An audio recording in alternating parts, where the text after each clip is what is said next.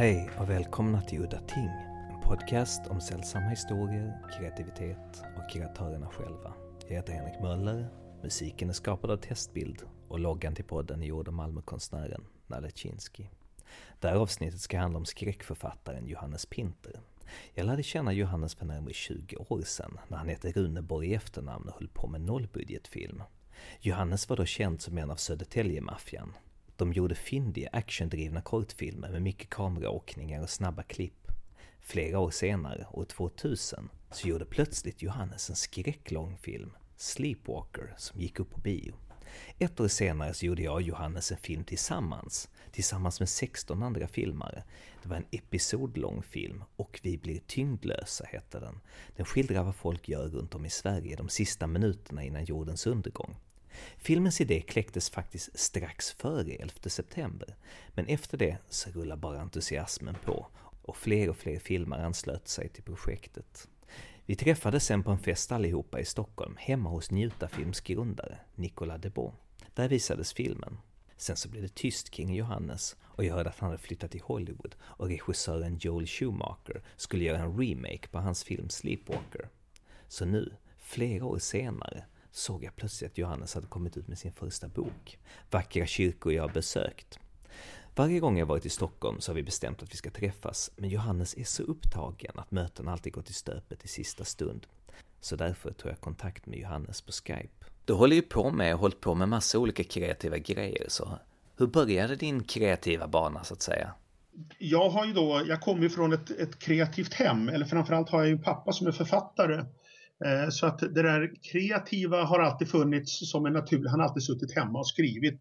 Och det har varit en helt naturlig del av, av, av så att säga, mitt universum, att man liksom kan sitta hemma, vara bara hemma och, och syssla med det sånt där som man tycker är roligt. Så att det har liksom alltid legat nära till för mig att, att liksom syssla med det jag tycker är roligt. Jag har ju då dels skriver jag, men, men, men jag, jag, är även ganska duktig på att teckna och jag har ju då sysslat med att göra film en hel del och så. Så att, eh, så att jag, alltså kreativiteten finns ju där och en, en viss begåvning då. Men hur började ditt intresse för skräck då? För det har du ju gjort så himla mycket. Skräck var jag från allra första början helt livrädd för och vågade inte se på tv eller ens jag minns att pappa någon gång läste för mig och min yngre bror när vi skulle gå och lägga oss eh, godnattsagor. Och då läste han Spöket på Canterville. Och jag eh, fixade liksom inte det. Så fort det, där, det dök upp ett spöke och jag bara sa nej, nu får du, nu får du sluta läsa, nu tar vi någon annan bok. Ja, det blev för läskigt. Jag vet inte om det kan ha att göra med min fantasi eller sådär. Va? Eh, men vartefter som, som, som tiden sen gick så blev jag ju ändå mer och mer fascinerad av eh, Eh, skräcken eh, speciellt. Kanske för att det sätter igång saker i mig då. Så att eh, det var ju sådär så att jag sprang på bokbussen och lånade såna gamla böcker, Kalla kårar, Mannen i svart. Eh, och, och, och, och, framförallt läste jag antologier, med, för, för, det tycker jag är en helt fantastisk form för skräck, antologi, novellformen. Alltså, det är ju, alltså jag har ju från början av tagit skräck 100% seriöst. Det här är på allvar. Det här är ingenting som man kan vifta bort. Liksom. Och från att det då var, var på allvar och jag tyckte att det var väldigt obehagligt så tar jag det på allvar nu på ett annat sätt. Det vill säga att det är ju ett fullgott, eh, en fullgod genre att arbeta i och, och liksom producera högkvalitativa grejer i. Så. Men hur kom det sig att det var just film som du fastnade för först? Ja, eh, jag började ju eh, med, och jag har inte, alltså så här.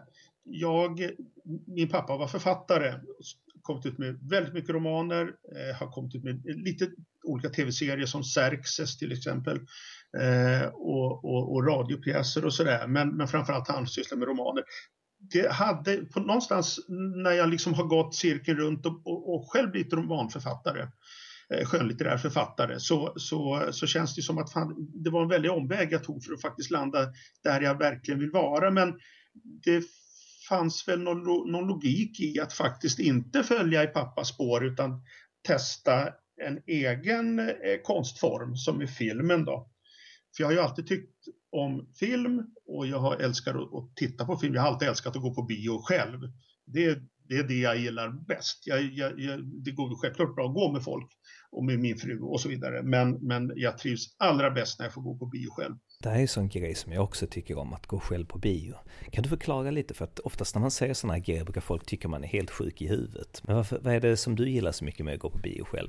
Att gå på bio själv, jag tror att det har att göra med att man på något sätt kan ha sin fulla koncentration på duken och ta in Eh, det som händer utan att det ska liksom filtreras genom, undra vad, vad, vad, min kompis eller fru eller vem det nu är som är med tycker om, om, om det här och tycker om det är töntigt eller tyck, och, och, och, och, att jag kanske ska lägga utan är det så att jag gillar det, oftast går jag ju självklart eh, och ser eh, filmer som jag själv vill se. Framförallt nu för tiden så går alltså, jag går egentligen bara och ser film som, som, som gör sig bäst på stor duk. En rolig anekdot på ämnet. Jag var och såg den här Kanes många ansikten, Racing Kane, Brian De Palmas film på Lucia en gång. Och det visade sig att det är ingen som går på bio på en Lucia. Så att när jag kom in i biosalongen så var det helt tomt. Jag var alldeles ensam i biografen och eh, mitt när jag sitter där i mörkret alldeles själv så smyger sig han biljettkillen in bakom mig och hoppar på mig och tar sånt här strypgrepp på mig mitt under filmen. Och det är en ganska intensiv thriller så att eh, den blev om ett annat ännu mer intensiv. En mycket bra filmupplevelse. Sense around, jag kommer ihåg den här eh, episodfilmen, vad fan heter den då? Eh, John Landis Kentucky Fried Movie. Eh, där är det, har de väl tror jag till och med en, en, någon sorts fake-reklam för att de sätter igång med Sensurround eller film där folk står, det, varje, varje biobesökare har en person som står bakom stolen som liksom ger dem örfilar och grejer sådär för att, för att och det låter som ni tog det hela vägen där. Men hur kom det sig då att det blev just film som du fastnade för först? Med att liksom skapa eh, en, en, en helhet som filmen är, eh, som då består av en rad olika konstformer sammansmält, tycker jag är så fantastiskt. Det är manus, man skriver och sen är det liksom bilden som är fotografi och så är det musik och så vidare, ljudläggning och så vidare. Det är, liksom, det, det finns, det är så många olika beståndsdelar som tillsammans blir, kan bli eh, någonting helt magiskt som jag på sätt och vis kan sakna när jag skriver. Det är väldigt många saker i, i filmen som man, som man då inte får med sig när man, gör, när man skriver romaner, liksom till exempel noveller. Jag började ju göra väldigt korta filmer självklart. Och i den allra, de allra första åren när jag gjorde film, det var ju innan video överhuvudtaget fanns. Utan då höll man ju på med Super 8 och satt och liksom man, man filmade på de här tre minuters rullarna och så fick man, skickade man iväg dem och fick framkallat några veckor senare, kom de hem igen. Och då var man liksom tvungen att addera någon jävla eh, plastspår för att kunna lägga på remsan eh, för att kunna lägga ljud på det där och monoljud. Det, det, var, det var helt hopplöst. Men, men, så att, och då, då var det ju de där man gjorde, det var mer actionfilm då för man så ville testa och röra kameran och göra, det skulle vara full fart och så vidare. Sen eh, när jag började arbeta med video, jag började jobba på ett produktions, videoproduktionsbolag då. Så att jag på helg, kvällar och helger kunde jag låna eh, utrustningen så att jag kunde eh, gå ut och filma själv då, då med, med sån proffsutrustning. Då, då. Då, då blev det mer lite suggestiva Eh, stämningsfulla eh, kortfilmer istället, gärna i svartvitt. Då, då. Eh, för jag älskar ju de här gamla, framförallt ja, noirfilmer och, och, och skräckfilmer, de här gamla svartvita. Så att, eh, så, så, så det, och, och, och, det var väl ond, bråd död och, och läskigheter och sådär. Jag har inte gjort mycket komedier och så vidare. Jag måste bara säga, du och jag har ju en, en, en, en episodfilm tillsammans gemensamt ju och vi blir tyngdlösa där vi ju gjorde varsin Nej, det är inte många som har sett det. Det var, vi var väl 18 regissörer som gjorde varsin kortfilm på ett gemensamt ämne, att jorden ska gå under. Eh, vad gör man då de sista fem minuterna i livet? Och så gjorde du och jag och ja, som sagt 16 andra regissörer då varsina filmer om det. Det var roligt. Väldigt kul. Kul projekt. Hemma hos, det var hemma hos Nicolas förresten, festen, Nicolas Debo. De som har Biocapital nu va, som de har fått in en och en halv miljon eller vad fan det var. På, för de ska ju bygga upp i Stockholm, i en independent biograf. Som Njuta Films och Sub-DVD och Studio S Entertainment har han. Mm. Kan du berätta lite om hur det gick till när du gjorde din första långfilm? Några gånger i livet så är man på rätt plats vid exakt rätt tillfälle. Och det är de där ögonblicken som gör att hela ens liv förändras. Och, eh, jag hade en god vän, han heter Rickard Holm, han har bland annat regisserat eh, de här Gåsmamman och, och de där. Han var god vän, eller ja, jag är väl fortfarande god vän med en norsk producent som heter Jon Jakobsen. Och eh, Jon Jakobsen som satt i Norge och eh, eh gör eh, allehanda allehanda, senast tror jag han har gjort några, det är några, några norska filmer som heter Burning, som är någon sorts norska varianter av Fast and Furious. Eh, han behövde en klippare till en actionfilm som han hade gjort. Och Rickard skulle egentligen ha gjort det. Eh, men han tackade nej och bollade eh, det vidare till mig. Så jag fick komma till Norge och klippa eh, en, den här, det var en slutscen i en, en actionfilm då, som den Jon Jakobsen gjorde. Och han blev ju fruktansvärt nöjd med, med mitt jobb. Eh, och så käkade vi middag efteråt och då frågade han, fan håller du inte på med, har du inte några, gör du film själv och har du något manus och sådär? Och då visade det sig eh, att eh, jag hade ju det. Jag och en god vän som heter Johan Brännström jobbade, eh, höll, höll, på att jobba med en, eh, ett manus som heter Sleepwalker. Och eh, så vi presenterade det för honom. Och Jon blev eld och lågor och så gjorde vi Sleepwalker. Och han har ju då väldigt bra kontakter på SF så att eh, det föll sig så att filmen distribuerades av SF i Sverige då. då. Och det plötsligt så hade lilla jag gjort en långfilm och det var jättespännande att ha gjort det. Och på SF och Jon och jag är fortfarande väldigt goda vänner och jag har hjälpt honom med att klippa trailers till ett antal av hans filmer sen. Och jag var även med och klippte eh, några scener. Han, behövde klippa ner filmen Trolljägaren. Eh, och då fick jag göra det så att jag klippte bort några minuter ur den för att den var lite seg här och där. Sen så har du jobbat i Hollywood och skrivit manus där. Det var ju ungefär där som du och jag inte hade någon kontakt på rätt länge, så det vill jag gärna höra om. Jo, nej men i och med eh, Sleepwalker, eh, det var en producent som, i, i, Hollywood som ville köpa rättigheterna på den, eller han fick köpa rättigheterna på den. Han heter Mark Johnson, han producerade bland annat eh, Rain Man. Eh, och eh, så fort det kommer talents utifrån och en, en film eh, som landar mitt i Hollywood så flockas liksom agenter och managers kring den och vad är det där för ny stjärna, vad kan det vara för någonting? Och så att vi blev påringda, jag och Johan Brännström, av flera olika managers eh, i Los Angeles. Och eh, vi, eh, vi åkte på, eller ja, vi hade telefonmöten med dem fan tycke i varandra så där. Så att under några år så kom vi att, att representeras eh, av det här managementet. Då, då. Eh, så vi åkte över några gånger och eh, gick på möten och vi fick tillsänt oss manus på filmer som var på gång och skulle göras eh, för att eventuellt då, då skriva, eh, skriva manus och så skulle jag regissera. Då, då. Eh, och det var bland annat eh, filmerna eh, som se, det har varit jätteroligt att se, för det är några filmer som sen kom och gjordes, fast av andra regissörer. Då. Det var bland annat en film som heter Messengers eh, som gjordes, kom att regisseras av The Pang Brothers från Korea med Kristen Stewart. Eh, de har ju bland annat gjort The Eye då, och Bangkok Dangerous.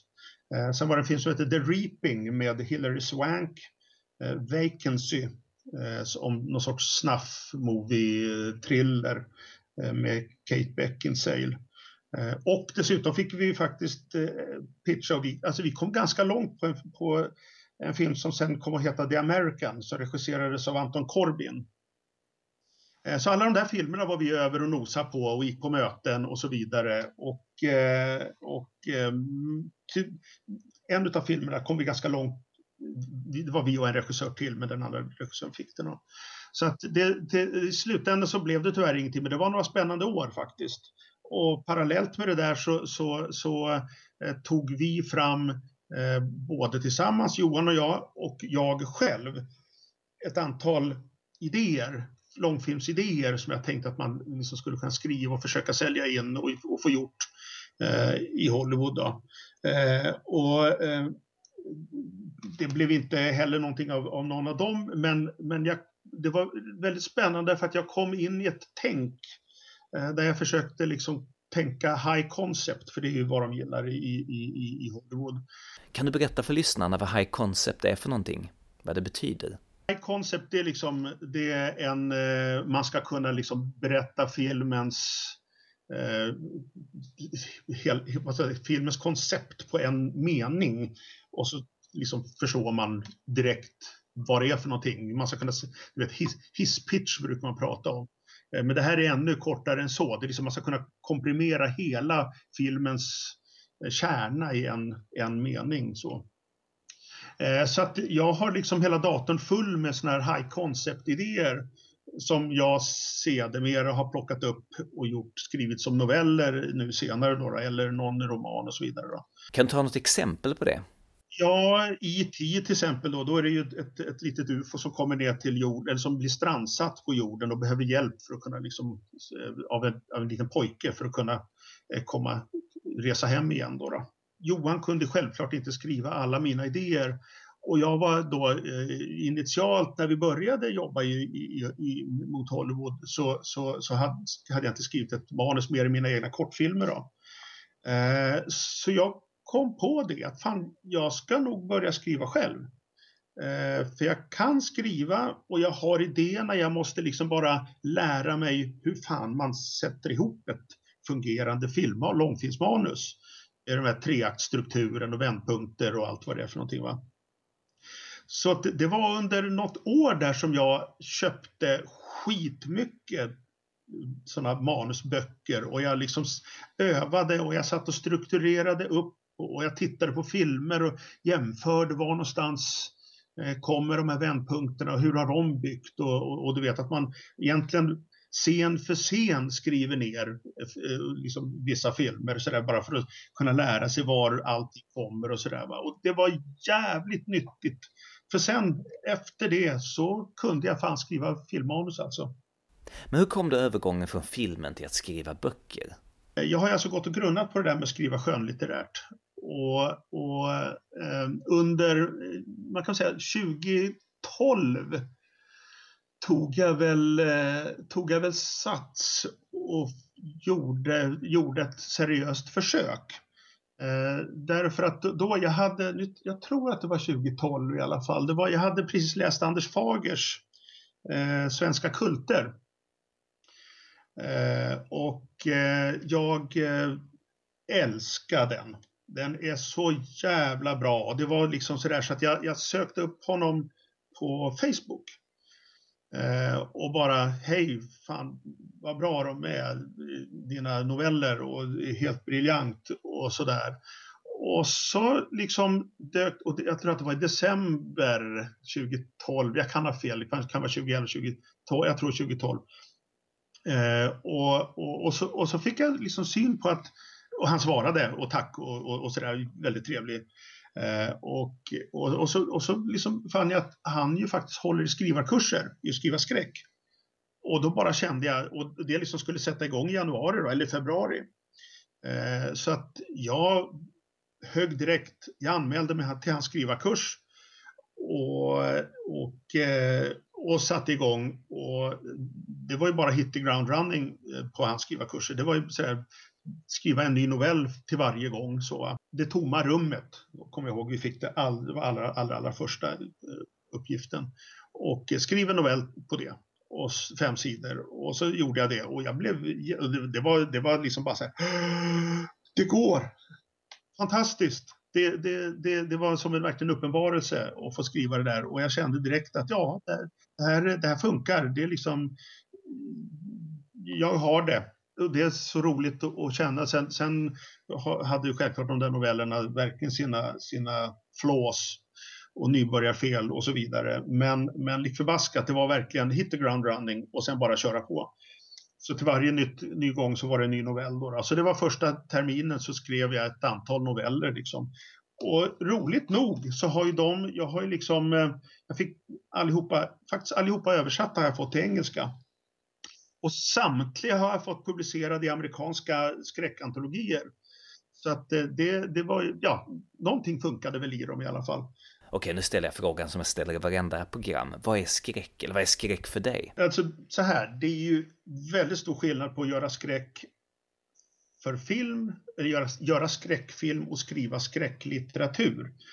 Och, och, och de har, det finns likheter men, men framförallt är det ju skillnader därför att när man gör film så har man som, som jag pratade om tidigare då alla de här olika beståndsdelarna och man kan liksom klippa sig till chockeffekter och man kan lägga ljudeffekter och det är stämningsmusik och så vidare och, och, och, och använda kameravinklar och kamerarörelser som liksom förstärker känslor. Så att du kan liksom filma en kille på en, en stol som sitter i ett rum rakt upp och ner och kan göra det hur jävla läskigt som helst eh, beroende på hur du liksom eh, framar bilden och, och om den rör sig och hur han då agerar. Liksom. Eh, ska du skriva det där så, så, så, eh, så, så du, har, du har verkligen inte lika många verktyg i verktygslådan. Eh, vad du däremot har hjälp av det är ju liksom du kan tränga dig in innanför hans yta. Hans, hans, eh, liksom du har tillgång till hans hans tankar och det, hela det inre livet. Så att sitter han där på sin stol så kan man liksom förmedla istället skräcken han känner och vad han tänker och vad han förväntar sig kan dyka upp och så vidare. Så att det där är ju, det, det, det, det är ju båda delarna har ju sin charm och jag saknar ju lite grann att göra skräckfilm och jag går ju och funderar på att fan, det skulle vara roligt att göra någonting annat. Men, men nu är det litteratur som gäller och jag, det är jävligt roligt första romanen jag skrev, det var ju faktiskt, det var väl andra terminer för Anders Fager, så skulle vi börja skriva på någonting lite större. Eh, och då var det eh, romanen, eh, då, då, skrev jag de första kapitlen till romanen eh, Vackra kyrkor jag besökt. Och det blev ju min första roman som kom ut också då. Eh, och eh, så att un, under hans andra termin så skrev jag, ja det var de första sex kapitlen tror jag, av sammanlagt 20 ungefär. Eh, och det var, det var eh, eh, om, om, om det hade varit fantastiskt att skriva alla dessa noveller och så skriva klart korta historier under den första terminen så var det häftigt att sparka igång med ett stort projekt och känna hur det liksom rörde sig framåt och det fanns en, ja, en naturlig, naturlighet i det. För att det, det var ju liksom eh, man fick ju, innan man då började skriva så måste man veta vad man skriver. För jag är ju jag är en sucker för att planera och synopsis och sådär. Va? Så att eh, man fick ju verkligen liksom, ja jag hade hela boken uppstrukturerad så hade jag bara, hade terminen varit liksom ett år lång så hade jag kunnat skriva hela boken där. Men, men nu blev det sex gånger bara. Så. Jag brukar alltid fråga om vilka skräcktekniker och sånt som folk brukar använda i sina verk. Jag har själv hållit i en kurs i att skriva skräck eh, på Studieförbundet Vuxenskolan. Eh, det var våren 2015. Eh, men det blev bara en termin för det tog för mycket tid och energi så att jag kände att jag, hade, jag ville inte fortsätta så. Eh, eller ville och ville, jag kände att jag kunde liksom inte motivera mig själv att faktiskt göra det, tyvärr. För det var väldigt roligt. Men, men där fick jag liksom tillfälle då att tänka mer konkret Eh, och teoretiskt kring det här med skräcken och vad det är som, eh, vad som gör effektiv skräck och vad, vad skräck egentligen är och så vidare. Och eh, en grej som jag på något sätt, eh, ja, när, jag, när jag försökte destillera ner skräcken till, till, till eh, vad ska jag säga, lite, lite punktlista eller vad, vad är skräck? Vad behöver man ha med i sin historia för att det ska kunna räknas som skräck? Så eh, har jag ritat upp en triangel. Där man har med tre hörn, där det ena hörnet är, är, handlar om karaktär, det andra handlar om tema och det tredje hörnet handlar om det övernaturliga. Och eh, eh för att det ska bli skräck så handlar det först det första hörnet om karaktär. Eh, så skräcken är väl egentligen den enda genre där huvudpersonen ska förlora. På ett eller annat sätt ska han förlora eh, och han kanske kan vinna eh, någonting men någonstans ska han förlora lite av sig själv. Eller förlora sin familj eller bara förlora förståndet eller bara förlora, ja så vidare. Va? Ja. Sen, sen när det kommer till, till, till temat då, då, så finns det egentligen kan man säga fem universella teman inom skräck som egentligen alla, om du tittar på en film eller läser en bok eh, och så vidare, så kan man nog till 99,9 procent så kommer det handla om något av de här fem temana som, som, som eh, jag ringar in. Och det är då människan som maskin, och det vill säga inte som eh, robot då, utan som, som en, en, en eh, vad ska jag säga, själlös eh, styrd person, så, va? som till exempel zombies. Då. Det är människan som djur. Och det är ju på något sätt, det är det här med, med, med, med ja, Freud brukar prata om överjaget och, och detet och så vidare. Va? Och, och, och, det är när man liksom låter det här undermedvetna komma fram och, och, och liksom, eh, ta över och det kan vara varulven till exempel. Så. Sen är det människan som Gud. Och det är då när människan tycker sig stå över andra människor eller liksom kan, kan bestämma om någonting ska leva eller om någonting ska dö och så vidare. Eh, sen har du kampen mellan en människas goda och onda sida. Och sen det sista en fråga, vad är döden? Så de fem temana eh, tänker jag med att eh, skräck ska handla om något utav dem. Och sen det, det sista då, det sista hörnet i den här triangeln är väl det övernaturliga då. Eh, och, och, det är ju till exempel, man brukar prata, eller liksom, ja, när lammen tystnar, det är väl en skräckfilm, det, för den är så jävla läskig, men den har inte något övernaturligt element. Eh, medan om du till exempel tar filmen Halloween så har du Michael Myers som, som går runt och, och en mörd, seriemördare där. Då. Men, men det är bara att se på slut, de kan liksom hugga honom och skjuta honom och göra vad som helst. I nästa stund när de tittar på det var kropp, så är kroppen borta. så. Eh, så att han har en övernaturlig förmåga att plötsligt resa sig och fortsätta vara den där killing machine han är. Då. Så att det, det är väl det tredje. Att, att, eh, och, men, men sen är det ju sådär, skräck är väl den enda genre eh, som heter en känsla. Alla andra genrer är ju liksom komedier och det är drama och bla bla bla, men skräck, det heter, det heter skräck liksom. Eh, så att därför, eh, jag är ju lite, om, om man till exempel tittar på Motorsågsmassakern så har ju den egentligen inget övernaturligt i sig. så. Eh, men så att där darrar jag lite på manschetten ska jag säga. Ja, fast Motorsågsmassakern, det var ju i alla fall när den kom på 70-talet, så bisarr, man har ju aldrig sett något liknande då. Den var ju så extremt bisarr så att det blev ju en sorts övernaturlig skräck genom sin absurdism. Det, det, det, sant, det, det, har du faktiskt rätt i, precis. Så, att, eh, så på det sättet så, så ja, nej men absolut, så den, den platsar ju definitivt där. Nästan alltid så är ju skräck eh, någon annan genre plus skräck. Det är väldigt sällan bara skräck, eh, utan det är liksom eh, thriller plus skräck eller drama plus skräck eller komedi plus skräck. Så. Eh, väldigt ofta, de allra flesta filmer och, och, romaner kan man liksom även stöpa in i, i, i en annan genre. Så även om det, det liksom skräcken tar över och därmed blir det gällande, den gällande genren så att säga. Använder du den här triangeln då till någonting sen? Liksom? Väljer du teman och skräck från den till dina grejer? Det, det, det, är det som är det fina, att man behöver ju inte titta på den här triangeln utan om du bara om, om du gör rätt så, så kommer eh, alla dina, den här triangeln kommer gälla för din bok eller film, din, för din historia liksom.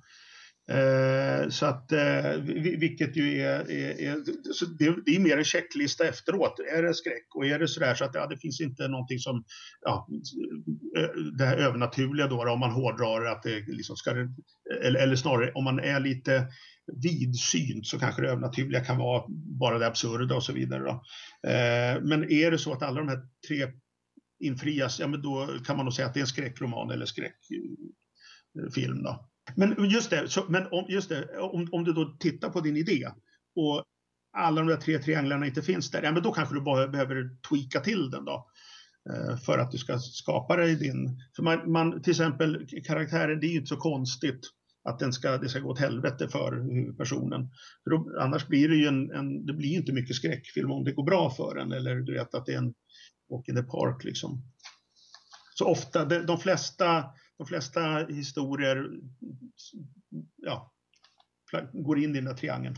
Så då kom då din debut slutligen, boken Vackra kyrkor jag besökt. Jag gillar ju typ Ghostbusters och Van Helsing och där, där eh, någon jobbar, med, eller Konstantin eller så vidare, där, där liksom någon jobbar med att, att, att liksom lägga ner Eh, att vara jägare mot någon typ av övernaturligt väsen eller spöken eller vad det nu kan vara för någonting. Eh, så att jag kände att fan, och, och, och väsen är ju någonting som har funkat ganska bra så att, eh, så att den, den bara plötsligt en dag kom till mig, den idén. Och då kom den ju, då var det ju från början en, en, en filmidé.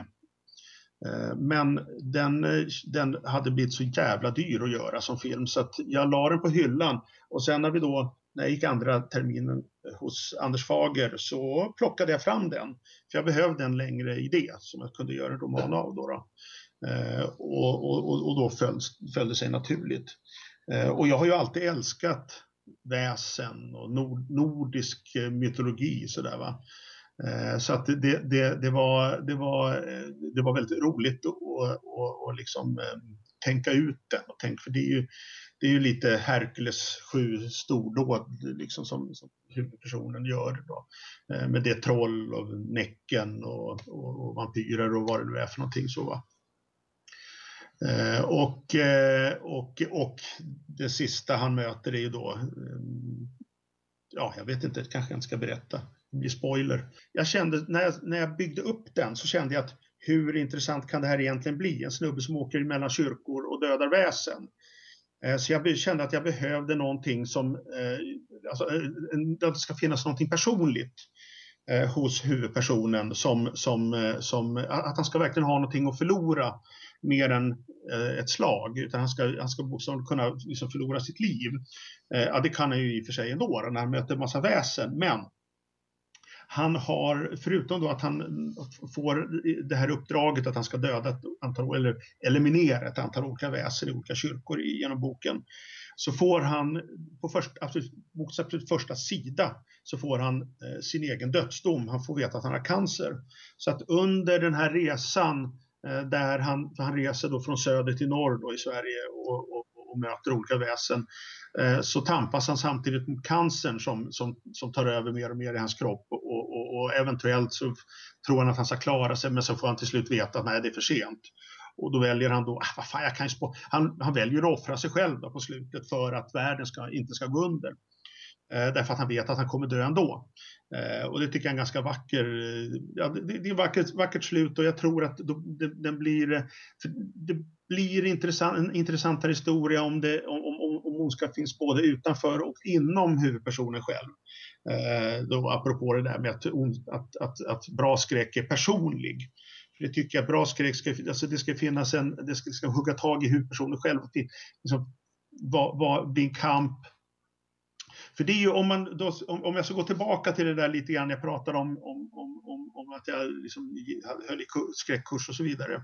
Så, så någonting som många eh, tyvärr eh, skräck, både skräckfilmer och skräckromaner eh, faller på är ju att eh, de bygger upp en historia där huvudpersonen eh, ska möta ett monster och när monstret besegras så har, har han liksom vunnit och åh vad bra och då, då, då liksom tar filmen slut och så. Men, men problemet är bara att oftast så är eh, för en, en, bra film ska ju ha, eh, det ska ju vara en resa för huvudpersonen där han på slutet har nått ett nytt mål, kommit till en ny insikt om sig själv eller vad det så kan vara. Att, han, djup, att, att det finns ett, ett, ett djup där. Va? Eh, men, men att bara möta ett yttre monster och vinna över det, det innebär ju inte någon som helst eh, Eh, utveckling för, för huvudpersonen. Då, då.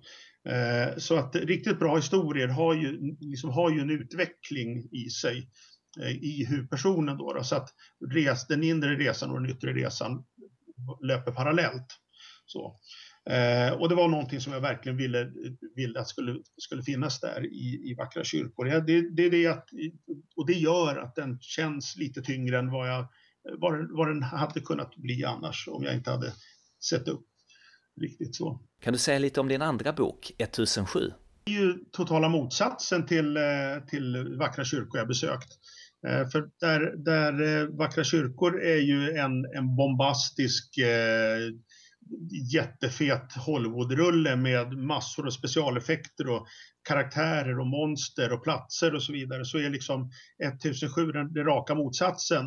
Eh, handlar om en kille i en liten lägenhet under en hel roman. Då. Så att eh, där, där, eh, där, där, där kyrkorna är som sagt en, en, en fet Hollywoodfilm så det här är en, ett, ett litet liksom, eh, lågmält kammardrama mer så. Va? Eh, som kanske mer skulle passa på en teaterscen än på en filmduk 1007. Då.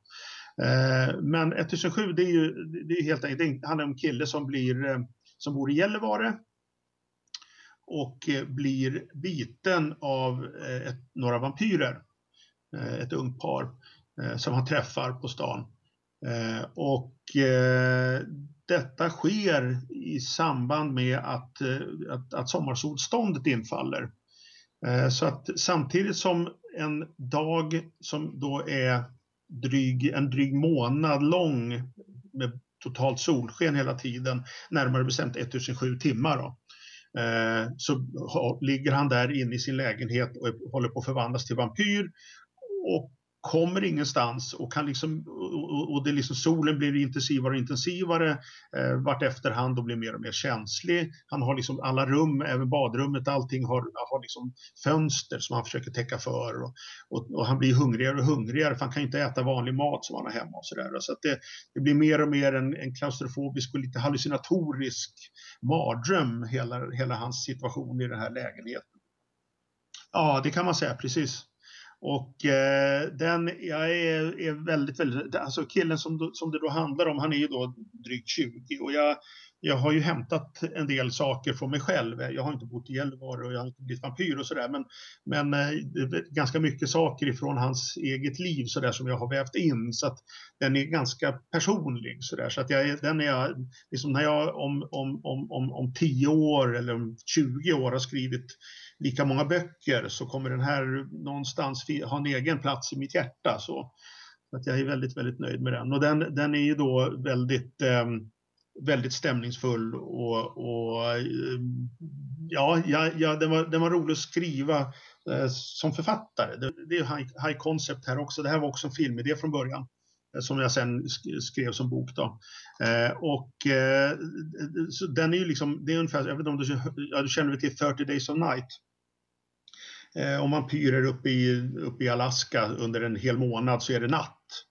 Det här är liksom dagversionen. om den stackars vampyren som ska liksom vara i en stad under en hel jävla månad av dag. 30, 30 days of day kan man väl kalla den då. Eh, och eh, och ja, den, är, och, och, och, den, var, den var väldigt rolig att tänka ut som film. Så att jag har väldigt mycket liksom, filmidéer kring den och lösningar och sådär som, som jag då kunde plocka in då när jag skrev och försöka liksom Eh, men plus då att man då har plötsligt tillgång till hela hans inre liv. Då, för att det, är ju, det, det, det, blir mer och mer hallucinatoriskt att det dyker upp folk i lägenheten, hans mamma, hans pappa, hans, en, en, en tjej som han var väldigt förtjust i som förs, bara försvann. Liksom. Dyker upp men man vet inte om det är på riktigt. Jag hörde lite om att John Ajvide Lindqvist, alltså han som skrev Låt den rätta komma in, läste och gillade boken. Han blurbade den till och med. Eh, och han, eh, alltså han läste, han, jag tror han befann sig mellan två romaner då, så att han hade tid att läsa den här och, och faktiskt komma med, med, med en, några bra, väldigt, väldigt bra synpunkter. Det var ju liksom i, i, i, sista stund innan den skulle gå till tryck. Så att jag, fick, jag hade liksom en helg på mig att skriva om några scener då, som han hade synpunkter på. Som om du gör så här så blir det bättre och det blev mycket bättre.